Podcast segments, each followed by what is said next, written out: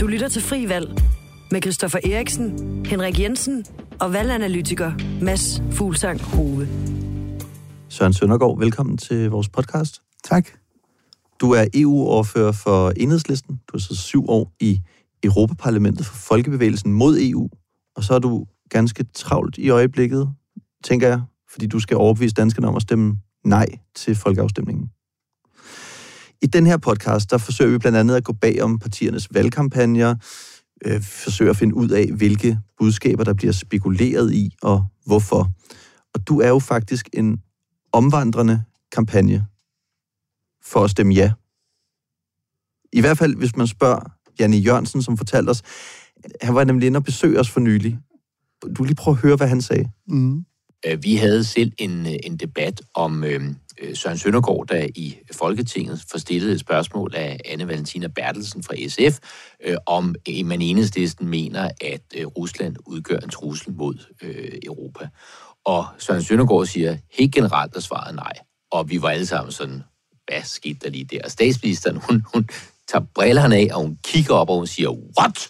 Og hun er virkelig, virkelig chokeret. Vi havde lidt en debat, om vi så skulle bruge øh, det klip aktivt, fordi det var jo sådan set partipolitisk en reklame for en SF'er, som stiller et og godt spørgsmål, og en statsminister, der kommer med en, en, en ret vild øh, reaktion. Øh, så på den måde var det jo ikke sådan venstre-reklame, men vi bliver så enige med os selv om, jamen det kan godt være, at vi så kommer til at reklamere for en SF og en socialdemokrat, men når de siger noget fornuftigt, og når de øh, bakker op om, øh, at vi skal øh, deltage i det europæiske øh, samarbejde om forsvarspolitik, så er det fint, at vi så også øh, spreder det budskab, hvad vi så gjorde. Ja, Søren Søndergaard, du formåede simpelthen med dit svar her fra Folketingets talerstol og forbrødre Socialdemokratiet og Venstre. Du fik Venstre til at markedsføre statsministeren. Det, det er da lidt af en præstation i sig selv. Jamen, der skal ikke meget til. Altså, de er, de er dybest set enige. Jeg er heldigvis enig med Forsvarets efterretningstjeneste, som jo lige efter slog fast, der eksisterer ikke øh, aktuelt en militær trussel mod Danmark. Og det var det, diskussionen handlede om. Men det er jo sådan set et meget godt eksempel på, hvordan politik fjernes fra indhold og bliver et spørgsmål om spænd eller enkelte bemærkninger. Fordi hvis når man nu tog det, jeg sagde umiddelbart efter, altså, så, så, så kom der jo en forklaring. Men det er ikke interessant. Øh, øh, men når jeg bliver spurgt, udgør øh, Rusland øh, aktuelt en trussel mod det, jeg forstår som hele Europa militært, så er svaret generelt nej. Så ved jeg godt, så bliver det så udlagt som om, at jeg ikke har opdaget, at der er krig i Ukraine, eller øh, så videre. Men det forklarer jeg jo så lige bagefter. Men jeg synes, det er et godt eksempel på, hvordan meget politik i dag er fjernet fra indhold giver det anledning til selvrensagelse, at ja-partierne ligefrem bruger dig i en kampagnevideo? Ja, altså man skal aldrig nogensinde svare på de spørgsmål, der bliver stillet i Folketinget. Altså man skal, man skal have en tale med, og så skal man simpelthen begynde at sige, altså på baggrund af det interessante spørgsmål skal jeg hermed, og så skal man læse et eller andet op, som absolut ikke har noget med det at gøre. Øh, fordi en, en hver form for øh, diskussion, hvor man skærer nogle ting til, selvom man siger, udbygger det i den næste sætning, det kan misbruges. Og det, det, det er da helt klart, det giver da total anledning til selvrelsagelse. Jeg skal aldrig nogensinde svare klart og kort på spørgsmål længere. vi må se, om, om vi kan få det til alligevel her i, i podcasten i dag. Igen, velkommen til. Det er dejligt, du kunne være her. Og det har jo også været en, en spændende sidste weekend i øh, enhedslisten. I havde øh, årsmøde. Det blev besluttet, i hvert fald hvis man læser overskrifterne, at de skulle have en mere EU-venlig politik. Øh, det er jo sådan i enhedslisten, at de store linjer bliver besluttet på jeres årsmøde. Dengang var der flere forslag til en ændret EU-kurs. Vil du afsløre, hvad du selv stemte i, til de her forslag? Jeg stemte ikke. Du stemte ikke? Nej, fordi øh, jeg havde ikke stemmeret. Ah. Øh, men øh, jeg havde stillet seks ændringsforslag til det, der blev vedtaget. Øh, og det var mig en stor glæde, at de delegerede sluttede op om alle mine seks ændringsforslag, så de nu er fuldstændig officiel enhedslistepolitik. Så det er jeg rigtig glad for. Så, så du var glad for udfaldet af EU-kursen ja, til jeg synes, øh, jeg synes, at øh, det, var, det var et godt udfald, fordi at øh, vi fik, øh, hvad skal vi sige, øh, bragt øh, vores officielle program, og det er jo også, altså, det må vi også lige lave en parentes om, ikke? Det der med, at partier har visioner, Det er også fuldstændig vanvittigt, øh, ligesom det der med at svare kort på sætninger. Det skal man simpelthen ikke have, fordi der kan altid være en konkret situation, hvor man kan tage partiprogrammet frem og sætte det ned som et svar på en konkret situation, og så sige, det her, det er jo helt gagag.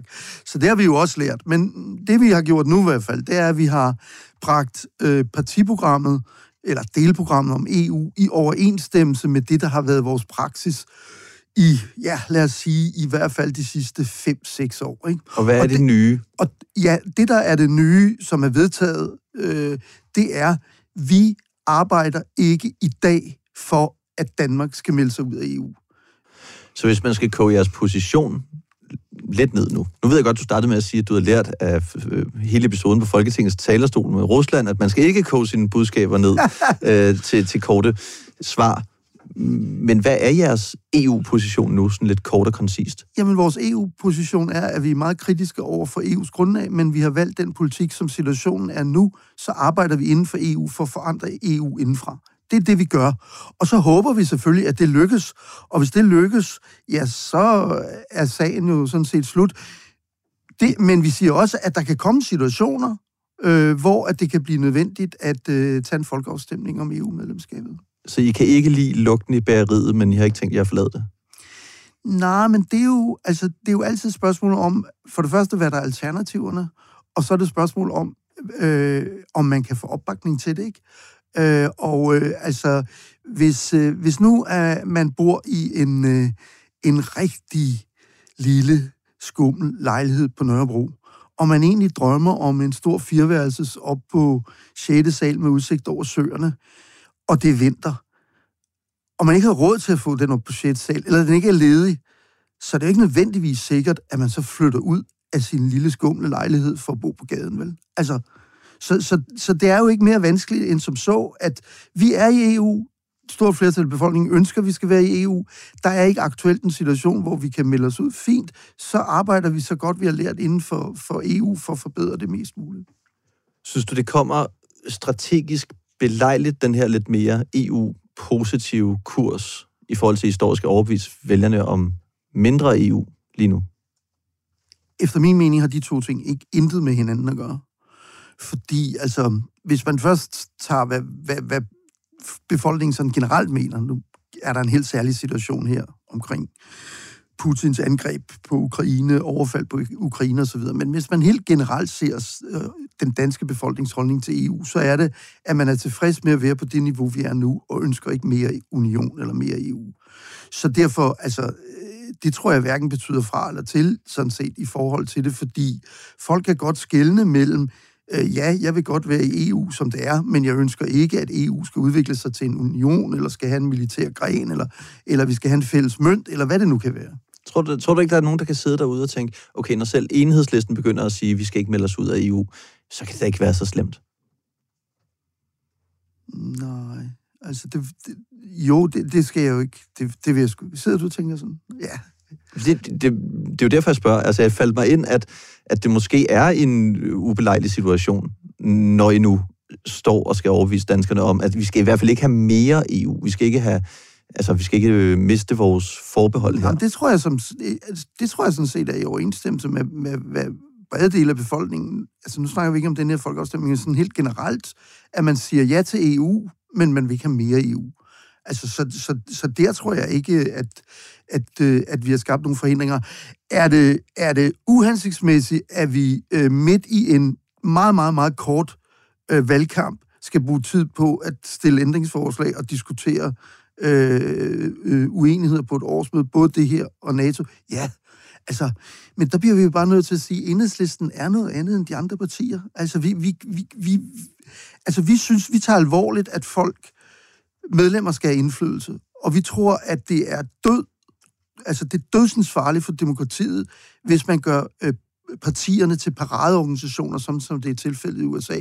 Der skal være et liv, og så må vi altså tage med, at, øh, at denne her øh, uafstemning, øh, eller den afstemning, vi har haft i enhedslisten, falder sammen med folkeafstemningen. Pokker sig ærgerligt, men sådan er det. Sidste uge, der havde vi den første store partilederrunde på DR, og vi så selvfølgelig med alle sammen. Mads Fuglsang Hove, hvad lagde du især mærke til? Jamen, jeg lagde egentlig mærke til, at mange af de ting, vi egentlig snakkede om i sidste uge, vi forventede, der ville udspille sig, var det, der udspillede sig. At Socialdemokratiet, øh, eller Mette Frederiksen, brugte øh, stort set al sin taletid på at snakke om Ukraine, på at snakke om øh, Putin og Rusland, og at det ligesom skabte en ny situation, som man er nødt til at agere efter. Og det er jo i meget tråd med den, den optakt, der har været til den debat, at det har været et forsøg på at skabe en ny fortælling. Man har skulle ændre øh, Socialdemokratiets holdning til, til det her spørgsmål, og den her nye situation har været af den platform, de ønsker at stå på, til at, til at argumentere for det. Og den anden ting, jeg synes, der var, meget, øh, der var meget interessant, og som vi også snakkede om i sidste uge med Morten Messersmith, det er hele det her spørgsmål om NATO og forholdet mellem EU og NATO. Er EU et supplement til NATO, eller er det en konkurrent til NATO? Og det var en kæmpe diskussion, øh, nok særligt mellem DF og Nye Borgerlige og så ja-partierne, men det er også noget, hvor man bagefter godt kan sidde lidt, med, sidde lidt uafklaret.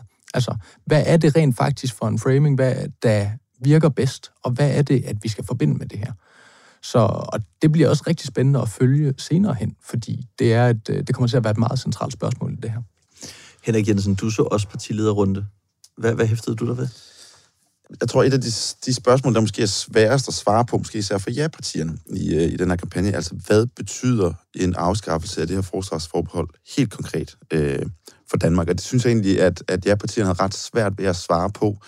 Øh, altså, der var et spørgsmål om, altså, bliver Danmark mere sikkert, hvis vi afskaffer forsvarsforbeholdet? Og der synes jeg, det stod klart, at, at det er der sådan set enighed om, at det, det gør det nok sådan ikke, ikke men, men vi sender signaler, og nu skal vi vise sammenhold, og, og alt det her, ikke? Øhm, og så efter partilederdebatten var, var Søren Pape, de konservatives formand, ude i Jyllandsposten, og, og sige ret klart, øh, at et, et nej, det får ikke konsekvenser for, for Danmarks sikkerhed. Og jeg synes egentlig, det udstiller ret godt, måske især ja-partierne, hvilken opgave de ligesom er, er ude på her. En ting, som øh, vi også alle sammen lagde mærke til, det var, øh, det var Fri Grønne, der formåede til partilederdebatten, øh, tro, det hvem der vil, at gøre Kåre Kvist, det er svært helt øh, perpleks. Øh, det var da Sikander Siddiq, han fremlagde Fri Grønnes position på det her spørgsmål. Lad os lige prøve at høre det. Og nu vil jeg så lige kort og skære ind til, inden vi kommer ned til øh, kristendemokraterne, fordi altså, anbefaler I et ja øh, til, at vi fjerner forbeholdet, eller gør I ikke? Vi har sagt fra dag i dag, at Frie Grønne går ind for, at vi afskaffer forsvarsforbeholdet. Okay, så det anbefaler I? Men, men vi anbefaler ikke hverken et ja eller et nej. Vores opgave som politikere er... At det er jeg simpelthen ikke klog nok til at forstå, hvad forskellen er på det. Vores opgave er at sørge for at skabe en sober og oplyst debat. Og så må det være op til danskerne, op til befolkningen derude, selv at vælge, hvad det er, de vil svare, om de vil sige ja eller de vil sige nej. Vi skal ikke favorisere debatten. Vi skal ikke favorisere debatten med frygt for hverken en EU her eller Rusland. Den her meget originale, unikke, vil nogen sige, position fra, fra Frie Grønne på spørgsmålet her, øh, den, den kaldte på et par opfølgende spørgsmål. Jeg ved, Henrik, du, du forsøgte at få et interview med Sikander Siddiq. Hvordan gik det? Jamen, øh, det gik egentlig øh, godt til at starte med. De lovede, at han ville øh, stille op, øh, eller var i hvert fald meget positiv, men øh, det ville han så ikke. Øh, men så var jeg så heldig, at jeg fik fat i Susanne Simmer, som er gruppeforperson for, for Fri Grønne. Susanne Simmer. Hej Susanne, jeg hedder Henrik Jensen og er journalist på Frihedsbrevet. Ja, hej. Hej. Jeg er i gang med at optage en podcast, som hedder Fri Valg. Den handler om forsvarsforbeholdet. Ja. Yes. Jeg, jeg prøver at finde ud af, hvor øh, Fri Grønne står i hele spørgsmålet øh, om et ja og et nej, og det gør jeg efter den her partilederdebat i, øh, i sidste uge, hvor øh, Sikander Siddiq han fortalte, at I øh, ikke anbefaler hverken et ja eller et nej. Ja. Ja. Øh, jeg, jeg kunne godt tænke mig at høre, hvad, hvad stemmer du selv? Jeg stemmer ja. Ja. Så du mener, man, man bør stemme, stemme ja? Jamen, altså, det, det er jo så det, vi siger, at det, må, altså, det vi gerne vil have, det er, at folk de selv, de selv tager stilling, og at de fra, først og fremmest også øh, stemmer. Så det er derfor, vi siger, at øh, vi anbefaler ikke et ja eller nej, men vi siger, hvad vi selv synes. Okay. Men, men er det et ja, der sådan giver mest mening for dig som, som politiker? Ja. Ja. Men, men du vil ikke kalde det en, øh, en anbefaling? Nej. Hvad er forskellen helt præcist på at sige, at man stemmer ja som parti, og at man så siger, at vi samtidig ikke anbefaler noget? Altså det kan man sige, det er jo op til den enkelte modtager af budskaber at, at afgøre, hvad forskellen er. Men hvad mener altså, du... vores, øh, vores intention, det er, at, øh, at folk de selv skal tage stilling og altså, sætte, sætte sig ind i, hvad de synes, der er det rigtige. Vi, frems, vi fremfører vores argumenter, og så kan de bruge dem, eller de kan finde nogle andre, de synes, der er vigtigere. Men hvad mener du Som- forskellen er, helt præcist, hvis jeg spørger dig? Altså på at anbefale og ikke anbefale. Ja, eller på at sige, vi stemmer ja, men vi vil ikke anbefale hverken det ene eller det andet til, til vores vælgere. Jamen forskellen er, at, at vi, vi, øh, vi tager ikke stilling for, for nogen, man må selv tage stilling. Hvis, hvis dine vælgere nu spørger dig, hvad de skal stemme, hvad vil du så sige til dem?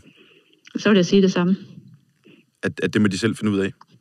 Ja, jeg siger, hvad, hvad, jeg, hvad jeg stemmer og, og hvorfor, men jeg synes, de selv skal tage stilling til, hvad de vil. Mm. Betyder det så, at det er, det er et fedt for jer, om folk stemmer ja eller nej, så længe det sker på de her oplyste grundlag, I, øh, I taler om? Ja, det må de selv. Det må de uh, tage stilling til, hvad de, hvad de synes, og så retter vi os efter, efter det, det flertal. Hvis, hvis vi, altså, det, vil, ikke- det får noget betydning for os, men uh, at, uh, det er, det er et, uh, et valg, op til, der er lagt op til dem. Så det Jeg betyder... har altså ikke ret meget mere tid nu, Nej, men, men det sidder, jeg skal på vej i et møde. okay, men lige et sidste spørgsmål. Så be- betyder det så, at, at om det bliver et ja eller nej for jer, at det, øh, at det er lige meget? Nej, altså, vi, altså når vi siger, selv stemmer ja, så synes vi, det er fordi, det er det rigtige. Ja. Men, Men, I, det vil, vigtigste er, at folk de selv tager stilling. men I vil bare ikke fortælle andre mennesker, om, om det er det rigtige? Vi fortæller, hvad vi synes. Okay, men ingen anbefalinger? Nej. Tænker du, Søren Søndergaard, at den her måde at kommunikere på, altså hvor man siger, vi stemmer selv ja, men vi vil ikke anbefale øh, vælgerne noget som helst, at det er en form for nybrud inden for politisk kommunikation? Ja, altså i og med, at I sidder og snakker om det her, så er det jo. Altså, det, det bliver man jo nødt til at sige. Altså, men, men altså, det er jo bare en anden måde at gøre det på. Altså, det er jo en anden måde at anbefale på. En alternativ måde? At, Det er en at- alternativ måde at opfordre vælgerne kraftigt til at stemme, som man synes. Ja. Øh, men, og det er da fint, når I snakker om det for dem. Det er jo selvfølgelig også en pointe. Helle thorning Smits tidligere spindoktor Nora Reddington, han skrev på Twitter, gav vide, om Socialdemokratiet ved, at statsministeren har udskrevet en folkeafstemning, og så sådan en emoji med jazzhænder, hashtag DKPol, og så linker han til socialdemokratiet.dk. Hvorfor tror du, han skriver sådan, Søren Søndergaard? Fordi alt ifølge Nora Reddington var bedre under Torning. Altså, det er sådan set den, den korte forklaring. Øh, og hverken Tore, øh, øh, øh, øh Torning eller Nora kunne lide øh, Mette Frederiksen. Men Mette Frederiksen har jo øh, virkelig øh, lavet en enorm kampagne bare ved at udskrive folkeafstemningen. Altså, hun har taget et emne, altså jeg vil sige, hvis ikke der bliver et 70 procent ja, altså så er, det jo, så er det jo dybt talentløst, ikke? Fordi øh, når man gør det her til en folkeafstemning for eller imod Putin, altså det, er jo, det kan jo næsten få mig til at gå hen og stemme ja, ikke? Altså, øh, så derfor det er jo, øh, altså det, den ligger jo så meget på den flade, og hun har jo timet det fuldstændig rigtigt. Øh, og det, altså, øh, og det, det er jo den måde, hun fører kampagne på. Øh, og, og, og det er vel det, altså, så, så, så jeg kan ikke helt forstå anklagen. Du, du har ikke bemærket, at Socialdemokratiet holder lidt igen her i, i valgkampen? Nej, det har jeg sådan set ikke. Altså, når man ser, hvem der er ude med plakater, altså sådan rundt omkring i landet, når man er ude, øh, så øh, står øh, Socialdemokraterne sådan set øh, øh, ret godt i forhold til, til de andre ja-partier. Øh, så det kan jeg ikke gøre. Og så skal vi jo lægge mærke til den subtile måde, øh, statsministeren fører kampagne på. Altså, hun gør jo Meget ligesom... subtile måde. Ja, hun gør jo ligesom Erdogan og, og andre, øh, når, når de fører valgkampagner. Altså, Erdogan, han øh, stjæler nogle penge fra folk, og så åbner han et indkøbscenter, som han har givet til bygherren, og så kommer der tv, at han går ud og klipper, ikke? Altså, Mette Frederiksen står alle mulige steder. Hvem, hvem er det, der kommer til Danmark i dag? Nu, i dag, det er altså i dag, hvor vi optager det her. Er det Stoltenberg, der kaster glans over det danske rige ved at være til stede? Sammenhold, ikke forbehold. Altså, undskyld, det er da valgkamp. Hun bruger Øh, influencer, altså som Stoltenberg. Ja, rigtigt. Og hun, hun bruger situationer. Altså, det er da en avanceret måde at føre valgkamp på. Det har vi andre jo lidt svært ved, ikke? Altså, Så det Nord Reddington, han i virkeligheden ikke fatter, det er Mette Frederiksen. Hun er bare altså, enormt innovativ. Hun, hun, hun Ja. fører valgkamp, som man slet ikke fatter. ja, altså han, han forestiller sig, at hun skulle stå øh, nede på Gråbrød og Torv, eller, eller dele roser er, ud. og dele roser ud. Ikke? Og det, det giver ikke ret meget, men hun, hun snupper jo fladerne i fjernsynet. Ikke? Altså, da jeg tændte for News i morges, ikke, der, der stod hun jo sammen med den tyske kansler øh, over i Esbjerg, og i dag der er det Stoltenberg, og i morgen der er det nogle andre, og Bødskov, ikke? han tager ned til EU og får at vide, at de planlægger fantastiske missioner. Der er ingen grænse for, hvor gode de missioner er. Og dem kan vi ikke være med i, ikke? Altså, jamen altså, det er da, det er da valgkamp. Du lyder næsten sådan lidt altså, begejstret, forelsket i, i Mette Frederiksens måde at føre valgkamp på. jeg, jeg, jeg synes, at de, altså, jeg synes, at de, de, de udnytter den maksimalt. Øh, er, er, det så, er det så en rimelig måde at gøre det på? Nej, det er jo noget andet. Men, men jeg synes, det er forkert at anklage dem for ikke at føre valgkamp. Det gør de hele tiden. Mads Fuglsanghove, det du jo sidder og kigger meget på, det er også, hvad er det partierne, de kaster penge efter? Øh, hvor mange Facebook-opslag skriver de? Hvad skriver de de Facebook-opslag? Og især, hvilke Facebook-opslag bruger de så øh, penge på at promovere over for folk? Når du kigger på Socialdemokratiet, har Nora Reddington så en pointe? Jamen, jeg, jeg vil egentlig starte med at sige, at jeg synes faktisk, det er nogle fede pointer fra Søren Søndergaard i forhold til en alternativ måde at føre valgkamp på. Øh, og det er nogle, nogle perspektiver, som egentlig også, altså, som givetvis godt kan give rigtig meget. Men det, man normalt vil se, det er, at man så bruger den type content, altså billeder, videoer og øh, klip af forskellige art, hvor man så står sammen med Scholz og alle mulige andre, at det bruger man så aktivt på Facebook, og særligt i særdeleshed for eksempel i Facebook-annoncer. Altså, at man bruger det content til at komme ud til vælgerne på. Og det gør Socialdemokratiet ikke lige nu. Så på den måde har Nora Reddington en pointe i, at indtil i går aftes, så har Socialdemokratiet ikke haft kørt en eneste Facebook-annonce, som i 0 kroner. Og øh, det er sådan lidt overraskende, øh, fordi alle de andre partier har været i gang, men også fordi Socialdemokratiet er ikke et parti, som har tradition for ikke at bruge Facebook-annoncer. Altså, ved sidste folketingsvalg brugte de 1,75 millioner kroner i løbet af folketingsvalgkampen. Altså På Facebook alene? alene på Facebook. Så det, så det kan godt være, at de fører, at de fører valgkamp, men de, det mål, vi traditionelt set har for sådan engagement i en valgkamp, det er ikke der, de scorer højst. Men prøv at høre, Mads Fuglsanghove, det er bare, fordi du ikke er originalt nok tænkende til at forstå, at, at Mette Frederiksen, hun har altså fat i den lange ende her, i den måde, hun fører valgkamp på. Altså, jeg, jeg synes, det kunne være fedt, hvis det er sådan, fordi altså, det, det er for fedt med, øh, med nye perspektiver og nye idéer på en valgkamp, så jeg synes, det er nogle, øh, jeg synes, det er nogle virkelig gode pointer fra Søren Søndergaard. Henrik Men så er, undskyld, så er der vel også det ved det, at valgkampen faktisk for langt de fleste mennesker først går i gang nu. Ja, altså vi snakkede faktisk med, med, med Rasmus Stoklund øh, for et par udsendelser siden. Du kan lige prøve at høre, hvad, hvad han sagde. Det var fordi, vi øh, spurgte ham, om han synes SF var for langsom til at komme ud af starthullerne. på en eller anden måde, så minder en folkeafstemning og den kampagne, man skal tilrettelægge til en folkeafstemning, uanset hvilket synspunkt man repræsenterer, måske lidt om andre valgkampe, altså valgkampe til kommunalvalg og folketingsvalg osv. Og der ved jeg, efter at have lyttet til folk, der har forstand på kampagner i mange år, når jeg selv har deltaget i dem og været på valg senest i 2019, hvor jeg selv prøvede at stille op, at der er rigtig mange, der siger, at øh, drop, lad være at gøre alt muligt før de sidste tre uger, før det er der, vælgerne begynder at tune ind. Nu ved de, at de snart skal stemme. Så det kan jo også være, at I bliver glædeligt overrasket og ser, at SF de virkelig øh, giver den gas øh, i løbet af de næste uger. Altså det var politisk ordfører for Socialdemokratiet, Rasmus, øh, Rasmus Stoklund her, hvor han siger, det er de sidste tre uger, det er der, det absolut gælder. Det er, det, er det øh, dem, der ved noget øh, om det her, de siger, det er de tre, sidste tre uger. Nu er vi altså inde i de sidste to uger, Søren Søndergaard. Ja, men øh, jeg tror også, altså, jeg, du kan jo se, hvor mange tvivlere der er, ikke? Altså, det, det er tvivlerne, du skal overbevise. Men er det så ikke netop et argument for, at man burde altså virkelig øh, være kommet ud af starthullerne? Nej, fordi spørgsmålet er, hvornår tvivlerne begynder at føle et behov for at tage en stilling. Øh, og netop til folkeafstemninger, hvor det er et ja eller nej, altså, øh, der, der tager folk altså endnu senere stilling, end, end, end de ellers gør. Og, og det vil sige, at, at øh, jeg, tror, det, altså, jeg tror ikke, at det er nødvendigvis nogen bagdel, at, øh, at have en stor kampagne til allersidst. Men altså, jeg er ikke, det, det har jeg ikke en skid forstand på. Så. Det er du, Mads Fuglsang Hove. Øh, jeg, kan- jeg, kan, jeg kan i hvert fald prøve. Ja. Nej, det man, det man så under retsforbeholdsafstemningen i 2015, det var, at ved sådan en to-tre uger før, at øh, afstemningen finder sted, det er ligesom der, tvivlerne begynder at rykke væk. Øh, altså, at tvivlerne begynder at finde ud af, om de skal stemme ja eller nej. Og det synes jeg også er meget interessant i den her henseende. Altså, jeg synes, det er et meget relevant spørgsmål at stille, om Socialdemokratiet faktisk er kommet for sent i gang.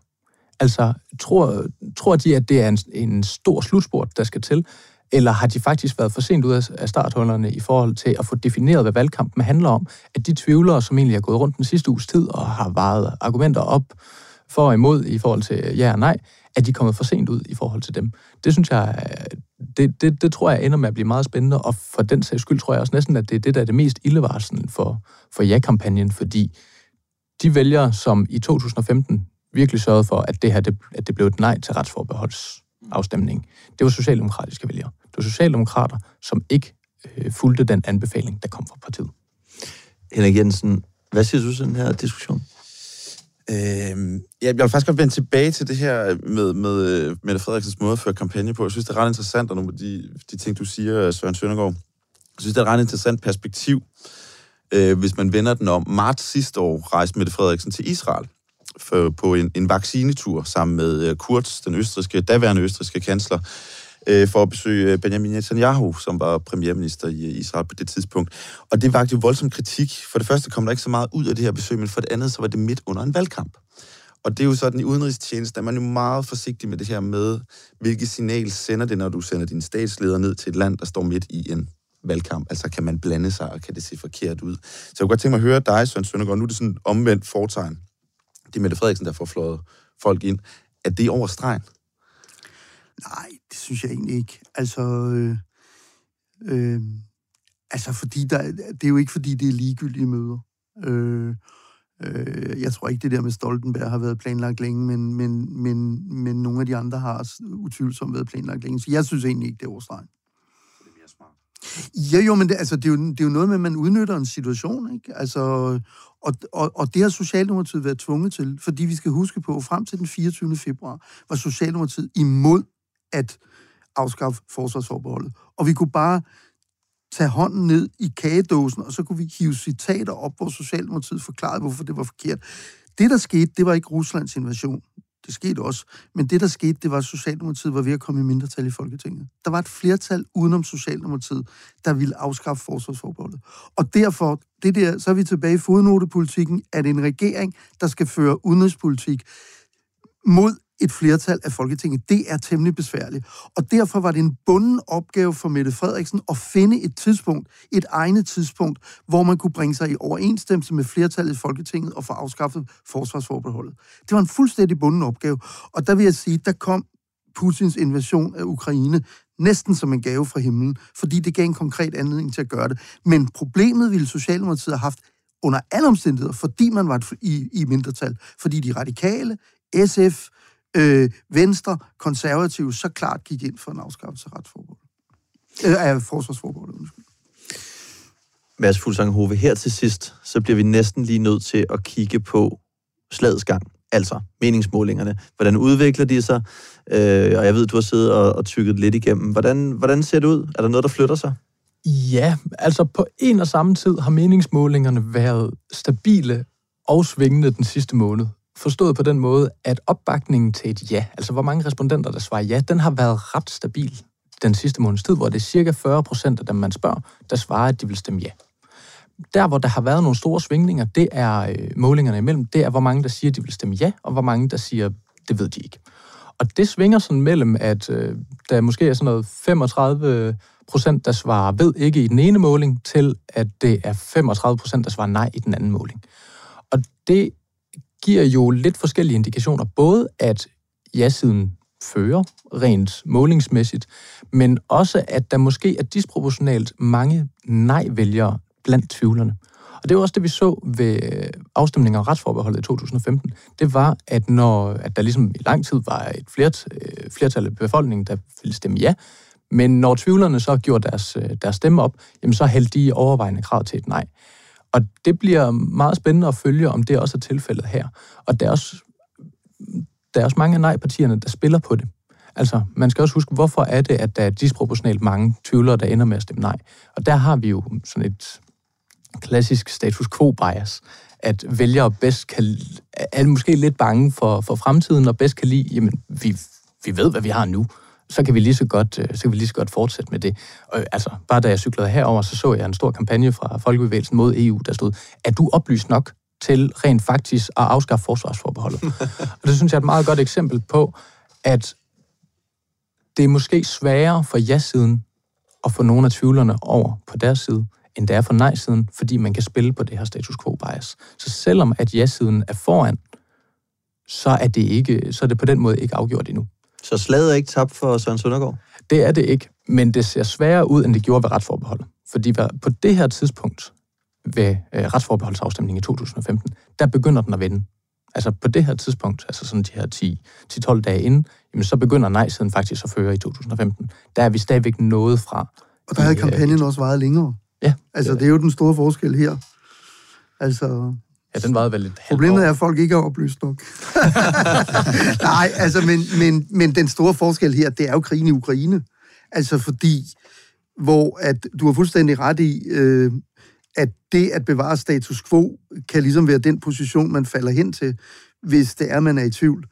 Så ønsker langt de fleste mennesker jo ikke at bevare status quo. De ønsker jo at få stoppet den krig i Ukraine. De ønsker at få Putin sat på plads. Og det tror jeg i, i sidste ende øh, kan være med til at gøre en forskel.